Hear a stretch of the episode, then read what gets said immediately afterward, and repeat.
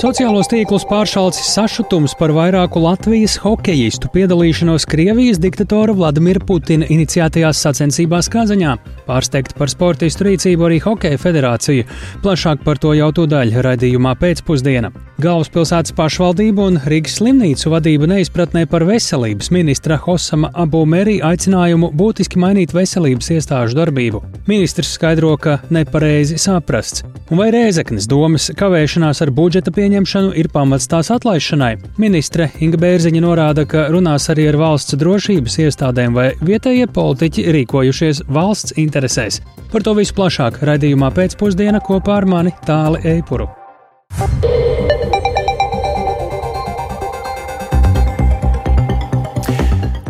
Pūkstens rāda 16,5 minūtes, skan pēcpusdienas ziņu programma, skaidrojot šodien svarīgus notikumus. Studijā Tālis Eipurs. Labdien! Saima šovakar gatavojas pieņemt aizliegumu Latvijā vietējam patēriņam importēt Krievijas un Baltkrievijas graudus un lobarības produktus. Lēmumu, ko deputāti apspriež steidzamības kārtā, papildina bāžas, ka cik tad efektīvs būs šis jaunais regulējums, kāpēc ir šādas bāžas, un arī citus svarīgos aspektus mums tūdaļ ir gatavs skaidrot Jānis Kins, kurš šodien seko līdzi šim notikumam un saimnes sēdē. Jāni, lūdzu!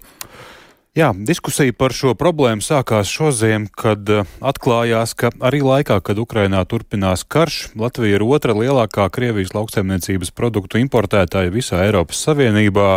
Šim faktam ir bijis veltīts daudz uh, publicitātes un uzmanības, un uh, Krievijas un Baltkrievijas produkcijas, vai kā to jau pieņemts uh, dēvēt, asinsgraudu izmantošana Latvijā arī dzen atspoguļojās lauksaimnieku prasībās nesenajos protestos prasībās to izbeigt. Un koalīcija vienojās apturēt šo valstu graudu un lauksaimniecības produktu importu izmantošanai mūsu valstī gan patēriņam, gan pārstrādēji, gan tirgošanai. Un, Tie gan turpinās Latviju šķērsot tranzītā, un arī pēc atmuitošanas tos transportē tālāk uz citām Eiropas Savienības valstīm. Tiesa gan jānorāda, ka vietējai izmantošanai no Krievijas un Baltkrievijas eh, šīs lauksaimniecības produkcijas Latvijā paliek vien ap 1,4% graudu, savukārt par lobarības, par pārējo lobarības produkciju šādu datu zemkopības ministrijai precīzu nebija. Tieši šīs produkcijas atmuitošanas aizliekšana Latvijā atsevišķā likumprojektā rosina ierosināja liekt opozīcijā esošās Nacionālās apvienības eh, deputātu, un lūko par to teica eh, parlamentārietis Artūrs Butāns no Nacionālās apvienības. Krievijas graudus mēs varam iedalīt trīs daļās. Ir tranzīts, kas šeit neapstājoties dodas cauri, un tad ir divi, otrā un trešā daļa ir atmuitotais. Tas, kas šeit atmuitots, viena daļa paliek Latvijā uz vietas, diemžēl, un konkurē ar dempinga cenu, kropļo un konkurē ar mūsu lauksaimniekiem ko lauksaimnieki arī protestos norāda. Un tad ir vēl trešā daļa, ko ar autotransportu vai kā savādāk atmuito, jeb atmazgā šeit Latvijā, bet pēc tam aizved citām Eiropas Savienības dalību valstīm. Viņiem rokas tīras, jo Latvija jau šo netīro darbiņu ir izdarījuši. Jā, bet aizliegumu importēt un atmuitot Latvijā šo produkciju nosūtīšanai tālāk uh, uz citām Eiropas Savienības valstīm neparedz koalīcijas virzītais alternatīvais likumprojekts. Kāpēc?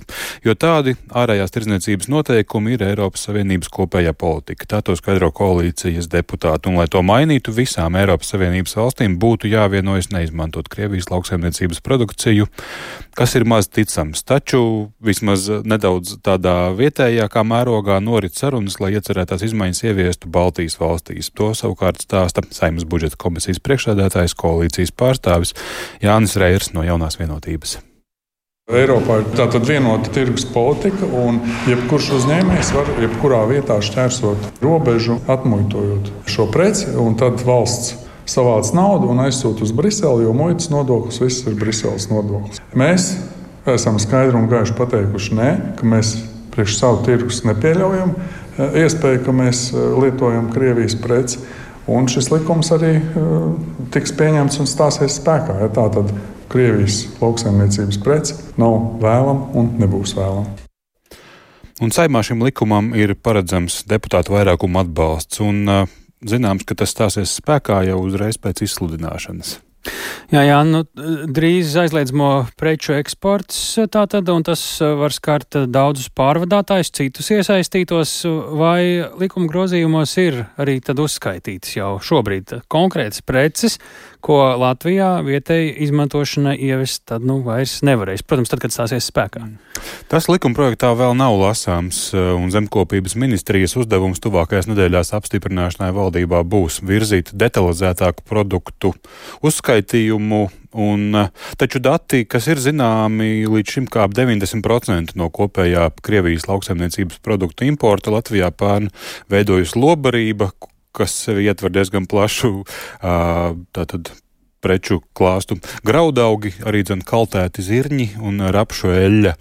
Un eh, jāpiebilst vēl, ka vismaz pašlaik paredzētais termiņš eh, šim ierobežojumam būs līdz nākamā gada 1. jūlijam, ko vēl varētu mainīt, visticamāk pagarināt, tad, kad šos likuma grozījumus pēc apmēram gada pārskatīs, kāda arī būs bijusi ietekme uz Latvijas ekonomiku. Un eh, jāpiebilst arī tas, ka Latvija ir pirmā Eiropas Savienības valsts, kas likumā plāno noteikt ierobežojumus Krievijas un arī dzen Baltkrievijas izcelsmes šiem produktiem. Bet vispirms vēl lēmums ir jāpieņem saimā un skatos, ka šobrīd līdz lēmumu pieņemšanai deputāti vēl nav tikuši, taču visai drīz.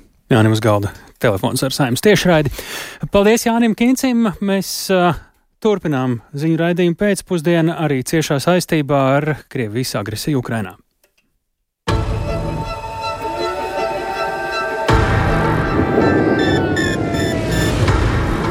Ukrainai ir jāuzvar, un ar Ukraiņas uzvaru divi gadi kopš Krievijas pilna mēroga iebrukuma Ukrainā.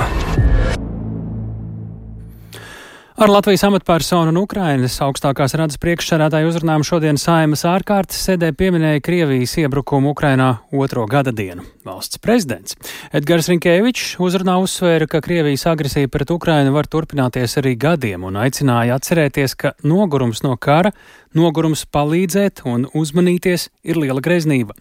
Arī intervijā Latvijas radio raidījumā Krustpunktā valsts prezidents šodien neslēpa, ka pagurums no kara ir manāms un cilvēku ikdienā ar vien vairāk drošības jautājumu tiek likti vienā svara kausā ar tiem, kas ietekmē tieši viņu ikdienu. Un lūk fragments no sarunas ar valsts prezidentu. Viens ir fakts. Ukraiņa savu neatkarību ir nosargājusi. Tā ir tā pirmā uzvara.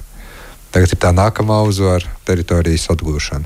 Vai tas ir iespējams kaut kādā pārskatāmā laika posmā, tas ir atkarīgs no trim faktoriem. Pirmais faktors ir tas, vai beidzot rietumu sevišķi jau šobrīd Amerikas Savienotās valsts saņemsies un pieņems to lēmumu par 60 miljardu eiro, faktiski dolāru, ASV dolāru palīdzības piešķiršanu. Otrais - tātad Ukraiņa spēja attiecīgi nu, arī mobilizēties, jo arī Ukrainā tiek runāts par mobilizāciju. Un trešais, vai mēs paši būsim arī spējīgi turpināt to atbalstu, saprotot, ka tas laika rāmis var būt garāks nekā kāds gads, varbūt vēl divi.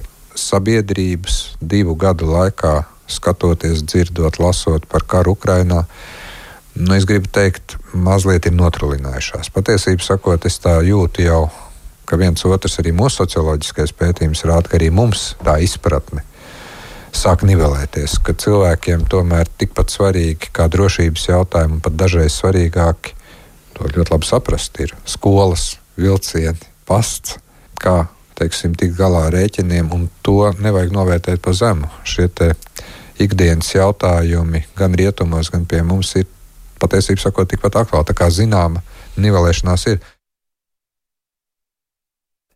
Tā valsts prezidents šodien Latvijas radio raidījumā Krustpunktā.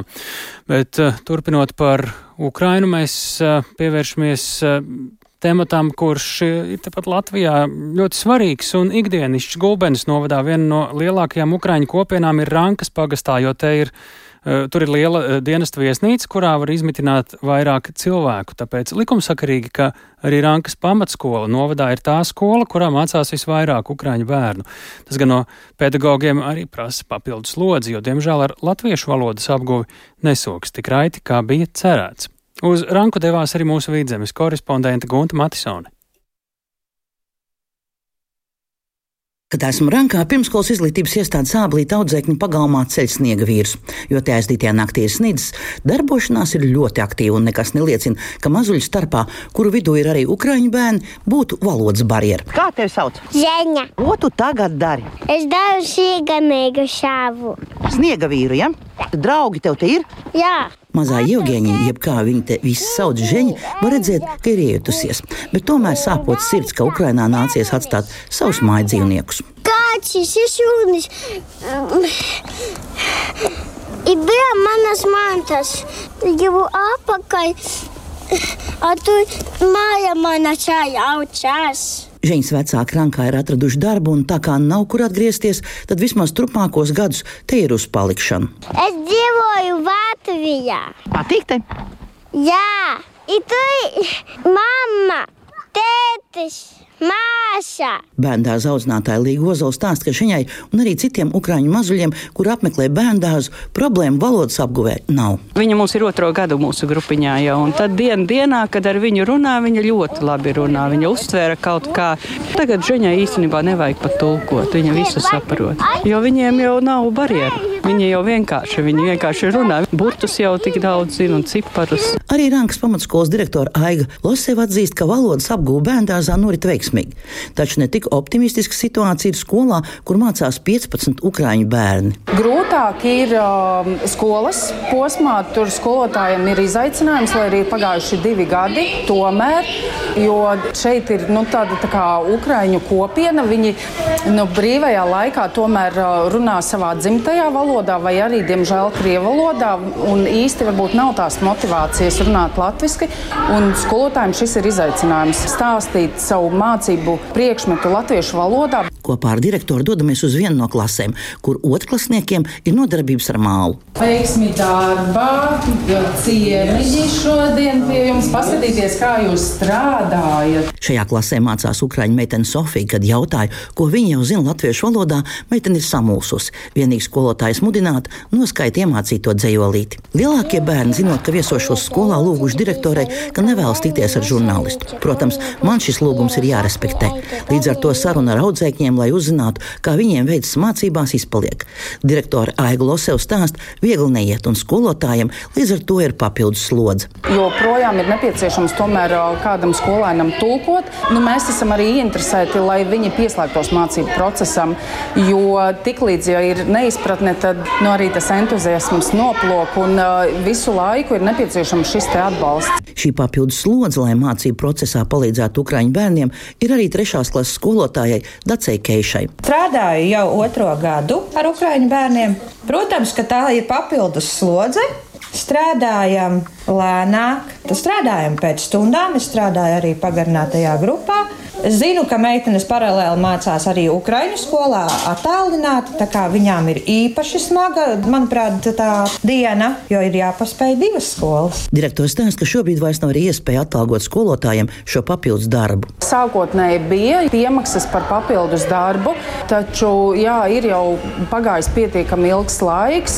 Teorētiski būtu jābūt latviešu valodas zināšanām pietiekamām, un skolotājiem vairs nebūtu jābūt papildus darbam darbam. Praksē, diemžēl, tā nav. Kāpēc latviešu valodas apgūve nesoks? Viens ir tas, ka Rankā Ukraiņi dzīvo savā ciešā kopienā, bet skolotājai Lindai Kukarei Aldersonai ir vēl kāds situācijas vērtējums. Sākumā Ukrāņu bērni bija motivēti vairāk, un kaut kā tā motivācija visa saplaka, saplaka. Un es saprotu, ir visādas situācijas. Nav jau viņi atbraukuši ekskursijā, un nav jau viņi atbraukuši pie omītes. Viņiem tomēr visu laiku ir tā sajūta, ka viņi sēž uz čemodāniem un ka jebkurā brīdī viņi brauks atpakaļ un viņiem viss izdosies. Bet tā atpakaļbraukšana vēl nenotiek. Bet tā sajūta tomēr ir. Viņi gaida aizbraukšanu, bet tiem, kuri šeit paliek un kuriem nav vairs mājas, mums arī skolotāji, algaitāji Es domāju, ka viņi ir uz palikšanu un nu, jāmācās tā latviešu valoda. Protams, nav zināms, cik ilgu laiku Ukrāņu bērniem nāksies te mācīties. Tāpēc Franks pamatskolā pauž arī bažas par to, kā nākotnē būs ar 9. klases eksāmenu kārtošanu. Gunta Matisona Latvijas Rādio vidzemē.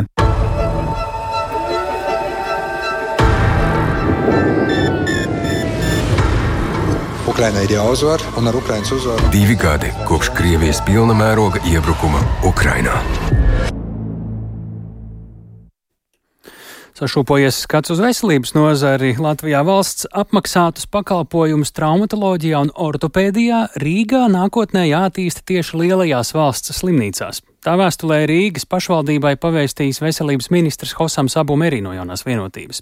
Viņš arī norādījis uz problēmām ar Rīgas dzemdību nāmu pakalpojumiem, un te pašvaldība nepiekrīt jau daudziem vēstulē izklāstītiem ministra argumentiem un aicina detalizētāk izrunāt šo vīziju. Savukārt Latvijas Veselības ekonomikas asociācijā vērtē, ka koncentrējot kāda veida pakalpojumus tieši valsts slimnīcās, to kvalitāte un pieejamība automātiski neuzlabosies. Plašāk par tēmatu Sintīs Ambots ierakstā.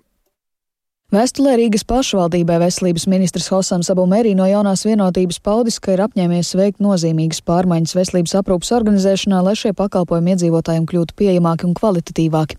Viens no reformas mērķiem ir traumatoloģijas aprūpi galvaspilsētā attīstīt lielajās valsts slimnīcās, Rīgas Austrum slimnīcā un Stradiņa slimnīcā. Pat laban Rīgā šos pakalpojumus nodrošina trīs iestādes - Austrumu slimnīca, Valsts traumatoloģijas un ortopēdijas slimnīca un Rīgas otrā slimnīca. Vēstulē ministrs arī norāda uz nepilnībām Rīgas Rīgas dzemdību nama pakalpojumos, par ko neizpratnē ir iestādes pārstāvi, bet Latvijas radioabuma arī atzina, ka publiskajā telpā un pašvaldībā viņa rakstītais vēstulē ir pārprasts, jo runa ir par nākotnes vīziju un diskusiju par to, nevis kādiem tūlītajiem reformas soļiem. Turpina Bumerī. Mēs sākam veidot stratēģiju uz pieciem gadiem uz priekšu, kā izskatīsies nākotnē mūsu Latvijas slimnīcas, gan Rīgā, gan universitāte klinikas, gan arī reģionālās slimnīcas, kā viņi var sadarboties labāk. Mēs sākam, kā piemēram traumatoloģija, ir būtu labi, ka kas pakalpojumi, kas ir otras slimnīca, būtu kopā ar Stradinas slimnīcu spēcīgi pakalpojumi, bet tas nākotnē. Un par dzemdības nāmas, es vienmēr saku, ka dzemdības nām ļoti labi strādā un profesionāli ārsti, bet mēs uzskatām, ka arī tur tas status jāpacel uz universitāti līmenī, jābūt uh, vairāk eh, multidisciplināra iestāde nekā, piemēram, mono iestāde. Tā arī ir visi pasauli ej uz to pusi.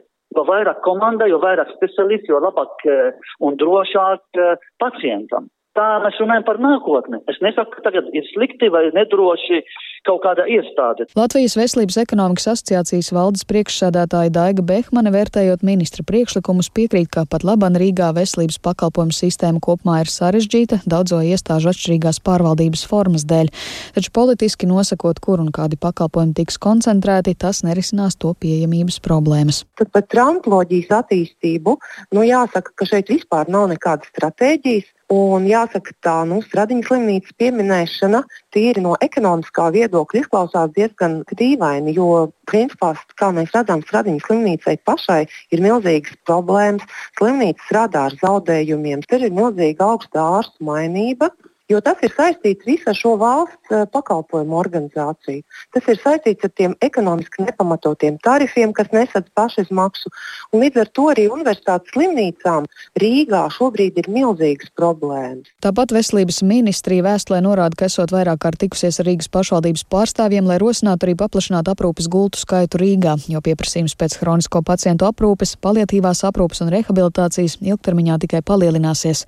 Veselības ministra vēstule vakars skatīta arī Rīgas domas sociālo jautājumu komitejā, un pašvaldība nepiekrīt daudziem ministrijas argumentiem. Turpina komitejas vadītājs Juris Redzevičs no Gods kalpot Rīgai. Šobrīd mēs redzam, ka tie scenāriji, kuri tiek piedāvāti, tiem trūkst reāla, teiksim, pamatojuma. Ko mēs darām un kādā veidā mēs redzam šo pakalpojumu, vai mēs redzam visu šo te apjomu, ko šodien sniedz rīdziniekiem, un ne tikai rīdziniekiem, kas ir ļoti svarīgi, jo neatliekama palīdzība tur arī tiek sniegta un plānveida palīdzību, vai tas viss pakalpojums klāsts pārceļās uz Pauls Radiņa Klinisko universitātes slimnīcu, vai ir tam pielāgotas vai ir iespējams telpas. Un, ja mēs runājam par otru komponentu, ko redz tā kā ministrija par šīm te hroniskās veselības aprūpas, gluta paliatīvo aprūpu, nu var teikt, ka tā būtu jauna funkcija pašvaldībai, kuri nav skaidri pateikt, kāds ir finansējums. Ministrs lūdzis arī savu partijas biedru Rīgas mēru Vilni Čirsi sniegt atbildi uz šī mēneša sākumā nosūtīto vēstuli līdz 29. februārim.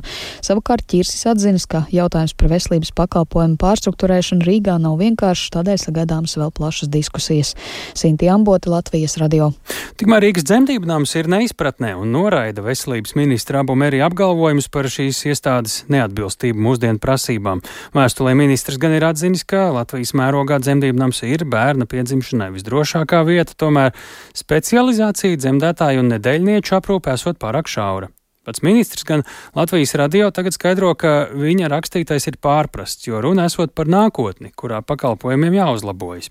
Šobrīd vēl nav runas par konkrētām reformām. Tāpat vēstulē neprecīzi esot uzrakstīts, ka dzemdību nams šobrīd nesot drošs. Ar to ir domāts, ka vajadzīgi uzlabojumi, lai būtu vēl drošāk un kvalitatīvāk. Ko par ministra vēstulē pausto domā Rīgas dzemdību namā plašāk Agnijas Lazdiņas ierakstā.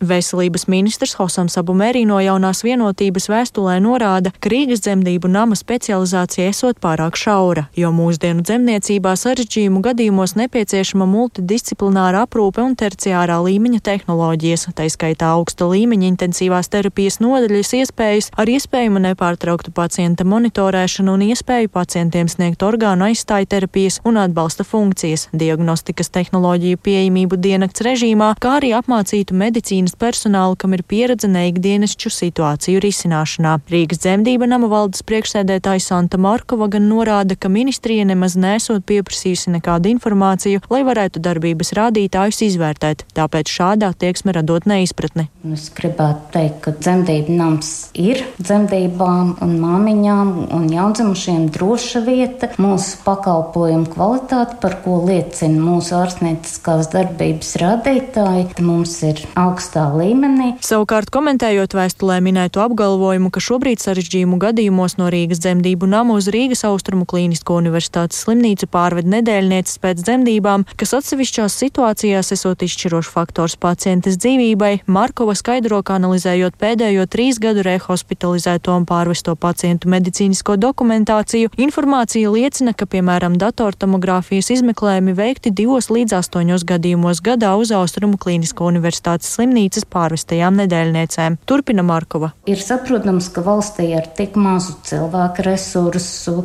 uzturēt eh, gan šos speciālistus katrā stacionārā ar minimālu noslodzi, gan ļoti dārgās tehnoloģijas, kuras mēs izmantotu labi, ja nu, tur nepilnas desmit reizes gadā. Tas nu, nav samērīgs finanšu ieguldījums ne no pašvaldības, ne no valsts finansējuma. Arī Rīgas dzemdību nama galvenā ārste un veselības ministrijas galvenā speciāliste ginekoloģijā un zemniecībā profesora Dāca Rezeberga piekrīt Rīgas dzemdību nama valdes priekšsēdētājai, norādot, ka apgalvojumi vēstulē balstīti faktos, kas neatbilst šodienai. Es varu pilnīgi noteikti teikt, ka pēdējos gados dzemdību nams ir panācis milzīgas uzlabojumus pacientu drošībā. Tas izpaužās gan kā tehnoloģija iegāta, gan cilvēku resursu attīstība, gan apmācības. Un tādējādi es domāju, ka es piekrītu uh, valdes priekšsēdētājas paustajam, ka nav pamati šobrīd domāt, ka kaut kas dzemdību namā ir speciāls noticis un ir kaut kāda drošības apdraudējuma. Un, un pacientiem šī vide ir tikpat droša kā pirms mēneša, kā tagad. Rīgas dzemdību nams norāda, ka atbilstoši valsts veselības aprūpas politikas pamatnostādnēm dzemdību namā ir plānotas investīcijas tehnoloģijās un cilvēku resursos. Agnija Lazdiņa, Latvijas radio. Pēc veselības ministra ierosinājumiem arī atbildīgā saimnes komisija ir nolēmusi prasīt ministram skaidrot plānotās būtiskās reformas Rīgas veselības iestādēs. Tā aģentūrē Leita pavēstīs komisijas priekšsēdētājs Andris Bēziņš no valdības koalīcijā esošās ZZS. Ministrs gan jau pats iepriekš bija pieteicies komisijas sēdi mēneša izskaņā. Bet atlaist vai neatlaist Reizeknes domi? Šāds jautājums jāuzdod pēc tam, kad dome pretēji likumu prasībām tā arī nav apstiprinājusi savu budžetu. Gan finanšu ministrija, gan par pašvaldībām atbildīgā ministrija sola meklēt tādus risinājumus, lai neciestu iedzīvotāji. Taču jautājumu par domas atlaišanu ministrija dienas kārtībā Šobrīd nav. Ministre Inga Bērziņa gatavojas runāt arī ar valsts drošības iestādēm, vai vietējie politiķi ir rīkojušies valsts interesēs. Par situāciju Reizeknē šodien izteicies arī valsts prezidents Edgars Rinkēvičs domas atlaišanu gan pieļaujot, bet līdzīgi kā ministrijas viņš pauž uzskatu, ka jaunas vēlēšanas pagaidām nav jārīko. Plašāk Latgales studijas korespondents Madaras Bērtiņas ierakstā. Pēc vakardienas notikumiem Rēzeknes domē, kur pašvaldības budžets tā arī netika nedz izskatīts, nedz pieņemts, šodien savu viedokli paudušas atbildīgās ministrijas. Vides aizsardzības un reģionālās attīstības ministra Inga Bērziņa no jaunās vienotības sola vērtēt domnieku rīcību, lai saprastu, vai budžeta neapstiprināšana uzskatāma par pietiekamu pārkāpumu, lai atlaistu domi. Ministre uzsvēra, iesaistītas arī drošības iestādes, lai izvērtētu, vai Reizeknē valdošās partijas kopā Latvijai rīcība nav pretrunā ar valsts interesēm. Mēs no savas puses vērtēsim, vai domas atlaišana šajā gadījumā ir valsts interesēs, vai tā ir drošības interesēs, un vai tā ir arī likumīgi pamatota un uh, nebalstīsim nekādā gadījumā šo lēmumu uz emocijām. Kamēr pašvaldību ministrija vērtēs domas rīcības spēju, Finanšu ministrija šo pēcpusdienu tiekas ar Rēzeknes izpildirektoru, lai vienotos, kā šajā laikā tiks pārvaldītas pašvaldības finanses. Pagaidām Rēzekne strādās ar tā saucamo tehnisko budžetu un katru mēnesi saņems vienu 12. daļu no kopējā pašvaldības budžeta. Tās gan varētu apgrūtināt kopējo finanšu plūsmu un jau pēc pāris mēnešiem radīt pašvaldībai grūtības apmaksāt maksāt pat ikdienas tēriņus, turpina Finanšu ministrijas pārstāvis Aleksis Jerotskis. Mums ļoti svarīgi, lai šīs politiskas krīzes situācija neciestu pilsētas iedzīvotāji un darbinieki, un lai laicīgi tiktu izmaksātas algas, lai tiktu nodrošināti visi likuma noteikti pakalpojumi. Turpmāk, protams, skaidrs, ka pašvaldība, ja nav pieņēmusi likuma noteikta kārtībā, tad attiecīgi arī nevarēs saņemt arī finanšu stabilizācijas aizdevumu, par ko ir lēmusi iepriekš valdība. Saimas valsts pārvaldes un pašvaldību komisijas vadītājs Oļegs Burovs no Gods kalpot Rīgai Rēzeknes domnieku rīcību vērtē kā bezatbildīgu un nesaimniecisku. Viņa prāt, nesot arī pamata domāt, ka tuvākajā laikā kas varētu mainīties. Tāpēc no saimas atbildīgās komisijas puses viņš rosinās iecelt finanšu uzraugu. Finanšu ministrija uzsāk finanšu stabilizāciju. Tas nozīmē, ka politiska vara paliek, bet nāk finanšu uzraugs. Visi maksājumi, nu, izņemot kaut kādas minimālas summas, nāk tikai ar to finanšu uzrauga atļauju rezolūciju kontroli. Es uzskatu, tas ir absolūti pieņemams variants, un varbūt šis finanšu uzraugs var atklāt vēl kādas īpaši labas lietas, par ko mēs vēl šodien nezinām. Tikmēr Reizeknas opozīcijas deputāti turpinās mudināt domes vairākumu pieņemt bezdeficīta budžetu, tādā veidā, lai gan ar nokavēšanos, tomēr mēģinot saņemt valsts aizdevumu parādu sekšanai un atjaunot pašvaldības finanšu plūsmu, turpina Ināra Groce no partiju apvienotā saraksta. Domāju, ka apstiprinot šo budžetu un saņemot atbalstu arī no finanšu ministrijas, iespējams, ka citiem ir lai apstāsies. Mēs varēsim sākt runāt par kaut kādu punktu, no kura mēs varam nostabilizēties un kāpt uz augšu. Nākamā Reizeknas domes sēde notiks marta sākumā. Tikmēr jau nākamā pirmdien, 26. februārī, risinājumi Reizeknas situācijai tiks meklēti koalīcijas sanāksmēs saimā. Madara Bērtiņa, Latvijas radio studija Latgalē. Arī par pašvaldībām turpinot šodien noslēdzas pašvaldību un atbildīgo ministriju sarunas par gaidāmo skolotāju algu finansēšanas modeļu maiņu, kas savukārt paredz izmaiņas skolu tīklā visā Latvijā. Šobrīd izglītības ministrijas iecerē saskārusies ar pamanām pretestību no pašvaldību un arī izglītības iestāžu puses, taču sarunu laikā puses atradušas arī kopsaucējus. Par šīs dienas sarunām jau to daļu izvaicāsim tām sekojušo kolēģi Paulu Dēvicu. Paula, kas šajās sarunās kopumā šobrīd attiecībā uz pedagoģu atalgojumu un skolu tīkla reformu visvairāk satrauc pašvaldības?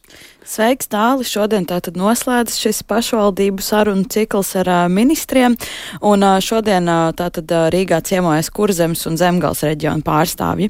Un izglītības ministri atzina, ka reģionu starpā aktuālie jautājumi vairāk vai mazāk ir līdzīgi, taču katrai vietvarai ir sava specifika. Tātad kopumā diskusijas pārsvarā notiek par un ap izglītības pieejamību, infrastruktūru, transporta iespējām gan novadu ietvaros, gan starp pašvaldībām. Un, piemēram, Dienvidkurzemes novadā kopumā šīs pārmaiņas atbalsta, taču novadā ir zems iedzīvotāju blīvums, turklāt netālu ir liepāji un daudz vecāki izvēlas bērnus skolot tur. Turpinā, turpinājumā paklausīsimies domas priekšsādātāju Aivaru Priedolu no Zaļo un Zemnieku savienības. Ja tā ir, ka mums apvienojot astoņus novadus ar to pagātnes mantojumu, kur katrs kā gādīgs saimnieks ir uh, sacēlis visas tās ēkas, kas ir nepieciešams uh, separāti novadu dzīvei, tad tas mums ir apgrūtinājums un mantojums. Un mums pēc iespējas ātrāk jātiek pašiem skaidrībā, kur mēs ko varam atļauties.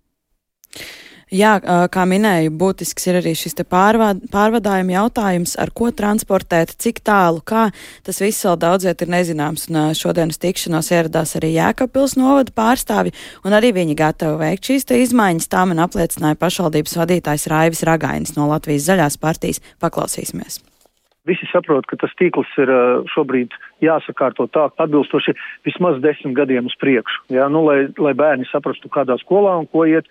Mums, protams, ir problēma, ja mums ir jāpērk autobusi un ministru Eiropas komisija nosaka, lai vismaz 50% no autobusiem līdz 30. gadam būtu bez izmešu. Tā ir varētu būt problēma, jo katrs autobus maksā vismaz reiz trīs pret parasto autobusu.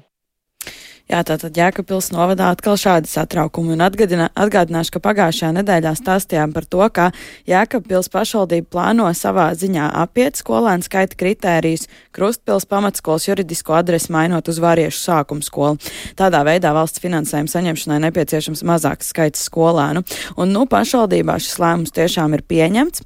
Pagājušajā nedēļā gan izglītības ministrijā sacīja, ka izstrādājot šos grozījumus plānos arī kā no šādiem gadījumiem izvairīties. Tad tad nu arī sekosim turpmāk līdzi, vai šis pašvaldības gājiens izdosies. Tāli.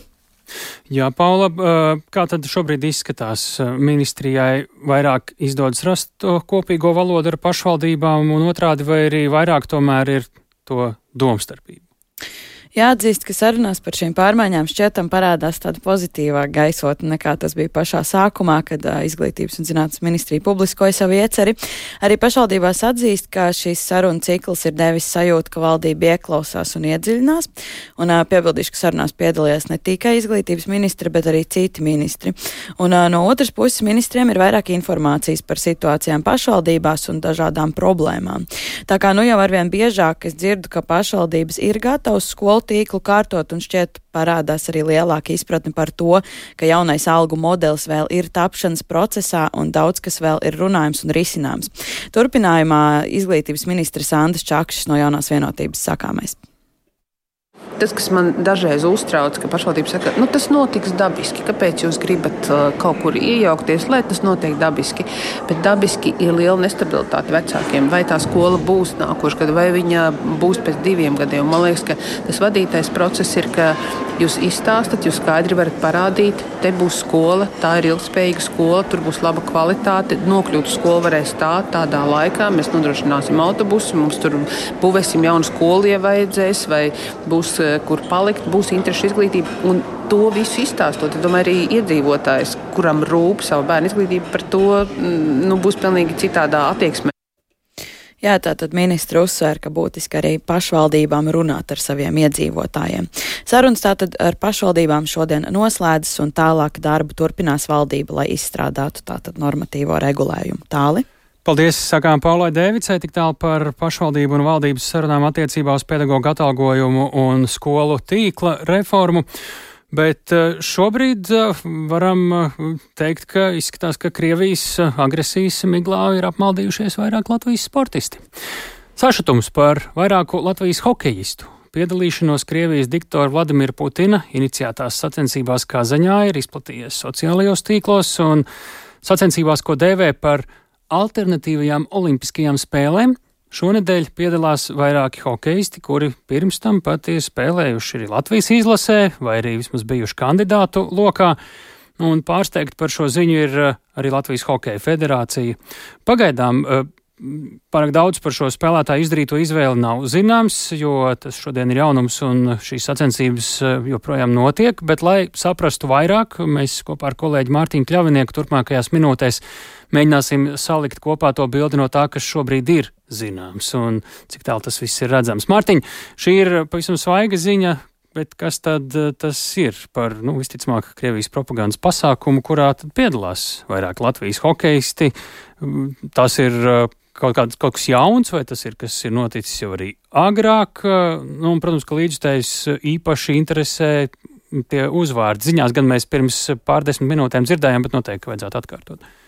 Jā, sveiks, tālu sveicināt arī radioklausītāji. Tas ir kaut kas jauns, un kā vismaz rakstā postimēs, mediju postimēs Igauņu versiju, tad pats Krievijas diktators Vladimirs Putins esot nācis klajā ar šādu ideju, ka tādas sacensības ir jārīko. Un, nu, absolūti, nu, manuprāt, subjektīvs vērtējums, bet tomēr nesaprotams pasākums, jo tas, kā šie sportisti sacenšas savā starpā, tur Krievijā ir nu, tāds mm, interesants risinājums. Puses sacensību notiek digitālajā vidē, ar video spēļu konsoļu palīdzību, un tad pēc tam viņi pārkāpja tajā īstajā sporta veidā, kurā viņi sacenšas uz um, jā, nu, digitālajā vidē. Tātad apvienot to visu un saskaitīt rezultātu kopā. Respektīvi, ir... sanāk tā, ka uh, tie ir uh, visticamāk pietiekami profesionāli sportisti, kuri ļoti ļoti labi zina arī savu sporta veidu video spēļu formātu. Acīm redzot, jā, lai kā tas arī būtu domāts, jā, bet jā. tā apmēram tas ir. Bet skaidrs, ka tas ir, nu, nebūsim naivi, kādēļ Krievija rīko šādu pasākumu, tāpēc, ka tā ir izolēta kopš mm -hmm. piln, pilnmēroga kara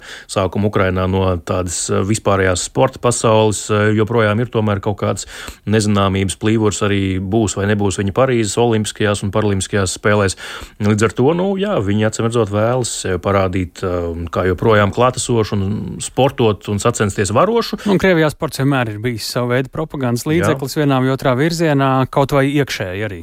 Jā, jā, un uh, pats arī diktators Putins atklāja šo pasākumu. Mm. Tur, starp citu, nu, cik ir tīmeklī pieejami video kadri no atklāšanas uh, pasākuma, tad uh, milzīgs Latvijas karoks arī ir parādījies uz tādu lielu video ekrānu. Un šī komanda, kas te piedalās, ir pat laikam, kā es sapratu, vai nu pieteikt kā Latvijas izlase vai Latvijas delegācija, lai gan Bet tam nav pilnīgi nekāda sakara. Ko tur piemin?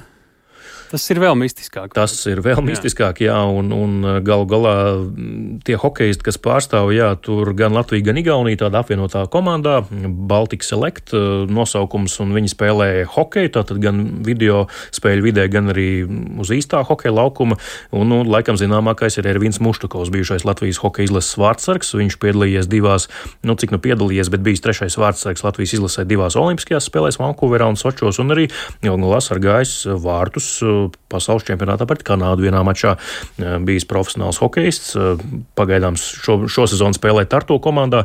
Aleksis Popovs arī Latvijas čempionātā spēlējis Alisērs Mubaraškins, eh, Krievijas miljonāra dēls, kā es saprotu, jau trīs gadus spēlē Krievijā. Kirils Tambijevs, bijušais Latvijas hokeja izlases uzbrucēja Leonīda Tambijeva dēls, arī Latvijas jauniešu izlases spēlēs bijis. Tā, tēvs viņam, starp citu, joprojām trenē, trenē kont Krievijas kontinentālās hokeja līgas klubu. Ja. Jā, jā, jā, un jā, pats arī Kirils Tambijevs Bijevs ir bijis kandidāts sarakstā Latvijas pieaugušo izlasē, jauniešu izlasē spēlēs, kā jau minēju, Pāvils Goroškovs pārstāv Kurbadu otro komandu jaunas hokeja līgā, tepat Latvijas pēcspēku otrajā līgā. Mārtiņš Lavrovs vēl šogad spēlēja Baltijas hokeja čempionātā, Latvijas atklātajā hokeja čempionātā. Zināms, arī ar vienu otru diskvalifikāciju. Jā, un Nikita Zantmans Jā. Eh, arī spēlēja Tartu, bet arī pārstāv Latvijā tā globāli. Nu, tādi ir tie hokeisti, kur ir aizbraukuši. Pietiekami zināmi vārdi Latvijas hokeja, tā to varētu jā, teikt. Tā ir, jā. Mm -hmm. nu, šobrīd vai ir saprotams, kā un kāpēc viņi tur ir nonākuši līdz dalībai šajā pasākumā? Man personīgi nav zināms, neesmu arī nevienu no viņiem uzrunājis, bet kolēģis Ulus Brože, kurš arī izteicās par šo vispār pasākumu kā tādu, vidē vietnē X, nosaucot šos hokejus par noderīgiem idiotiem, tas ir citāts no šī tvīta tā saucamā, tad uz šo ierakstu X vietnē atbildēja viens no spēlētājiem, Martins Laurovs, kurš šobrīd atrodas Kazaņā un pārstāv šo mistisko komandu, gan ar tādu pārmetumu, ka kāpēc par to ir jāstāsta ka mēs tur esam. Ka, nav, ka ziņojumi tik, lai būtu ko rakstīt. Jā, apmēram, jā, ka jā. par to sabiedrībai nav jāzina, ka mēs tur nejaucam politiku ar sportu, apmēram tā. Mhm. Kā to vispār juridiski salikt pa plauktiņiem, jo mēs zinām, ka Latvijā attiecībā uz mūsu sportistu piedalīšanos uh, ciešā saistībā ar agresoru valstīm uh, sacensībās ir lieli ierobežojumi, ko par to saka Hokeja federācija, vai tā varētu kādas sankcijas piemērot, vai šis ir tik nestandarta gadījums, ka tur īsti nevar saprast? Šis savā ziņā ir nestandarta gadījums, jo tie nav oficiāli izlases mači. Tas numur viens vispār neviens pasaulē laikam vēl tā īsti nesaprot, kas tās ir par sacensībām. Jā, bet nu, fakts ir pavisam vienkārši. Latvieši aizbraukuši ir sacensties sportā Krievijā, Kazaņā ar citām komandām, un tas jau ir sporta likuma pārkāpums. Tiesa, nu, tās sankcijas, ko paredz sporta likums, vienīgās, nu, sporta likums arī tā nemaz tieši neaizliedz to darīt, bet vienīgais tāds sots, kas var tikt piemērots, ir aizliegums šiem sportistiem, hokeistiem. Tātad startēt zem Latvijas izlases karoga, Latvijas izlasē, kandidēt uz vietu tajā. Nu, tas arī ir viss, bet neviens no viņiem nav pat tūmā Latvijas izlasē. Bet es jautāju arī Latvijas Hokeja federācijas ģenerālsekretāram Robertam Pļāvējam, ko tad federācija varētu darīt un kā viņi to vērtē. Zinām tikai tik daudz, cik šobrīd mēdī raksta pāragri spriest. Tas, šis jautājums tikai šodien uz mūsu galdiem ir uzkrītis. Pirmkārt, jāskatās, ir, ko nosaka uh, likumdošana, uh, vai tiks lēmts par papildus sodiem. Uh, par to šodien vēl nevarēšu atbildēt. Nu, mans personīgais viedoklis, protams, ka man tas nav pieņemami. Ja būšu pavisam atklāts, nav līdz galam saprotams šī pasākuma formāts. Nekad nebija par to interesējies un dzirdu par to pirmo reizi. Ir jautājums par to, vai kādā veidā, kurš viņu organizē, kādā veidā ir notikusi šie sportisti ir uzrunāti, vai kā šī informācija ir atrasta, vai sākotnēji ir bijis saprotams, ka tas ir Krievijas organizēts, vai tā nav bijis. Jā, tālāk Roberts Pļāvējs no Latvijas Hokeja federācijas. Jā, mums vēl dažas sekundes un burtiski pirms pāris minūtēm, kamēr mēs ar Mārtiņu runājām, Latvijas Hokeja federācija ir pavēstījusi, ka aptur licences hokeistiem, kuri ir aizbraukuši uz spēlēm Krievijā. Mārtiņ, nu tad lēmums tas ir noticis. Tikai loģiski, jā, un tas nozīmē, ka Latvijā nekur nekādā līmenī viņi nedrīkstēs spēlēt. Tas mm. ir tikai pareizi. Nu jā, apturēt tas nenozīmē vēl atņemt vai kā, bet šobrīd viņi vairs to nevar darīt. Jā. Nu, ko sakām, paldies Mārtiņam Kļavniekam. Sakām arī paldies, ka klausījāties eh, ziņu raidījumu pēcpusdienā. To šodien veidojām mēs, Tāls Eipurs, Ilza Aginta, arī Kaspars Groskops un Mārtiņš Paeglis. Ja vēlaties šo raidījumu klausīties sev vēlamā laikā, svērtā laikā un vidē, tad uh, tveriet pēc Latvijas radio mobilās lietotnes un tur meklējiet dienas ziņas. Bet raidījums pēcpusdienā skan katru darba dienu. Tas nozīmē, ka arī rīt pēc 16 un 5 būsim ēterā.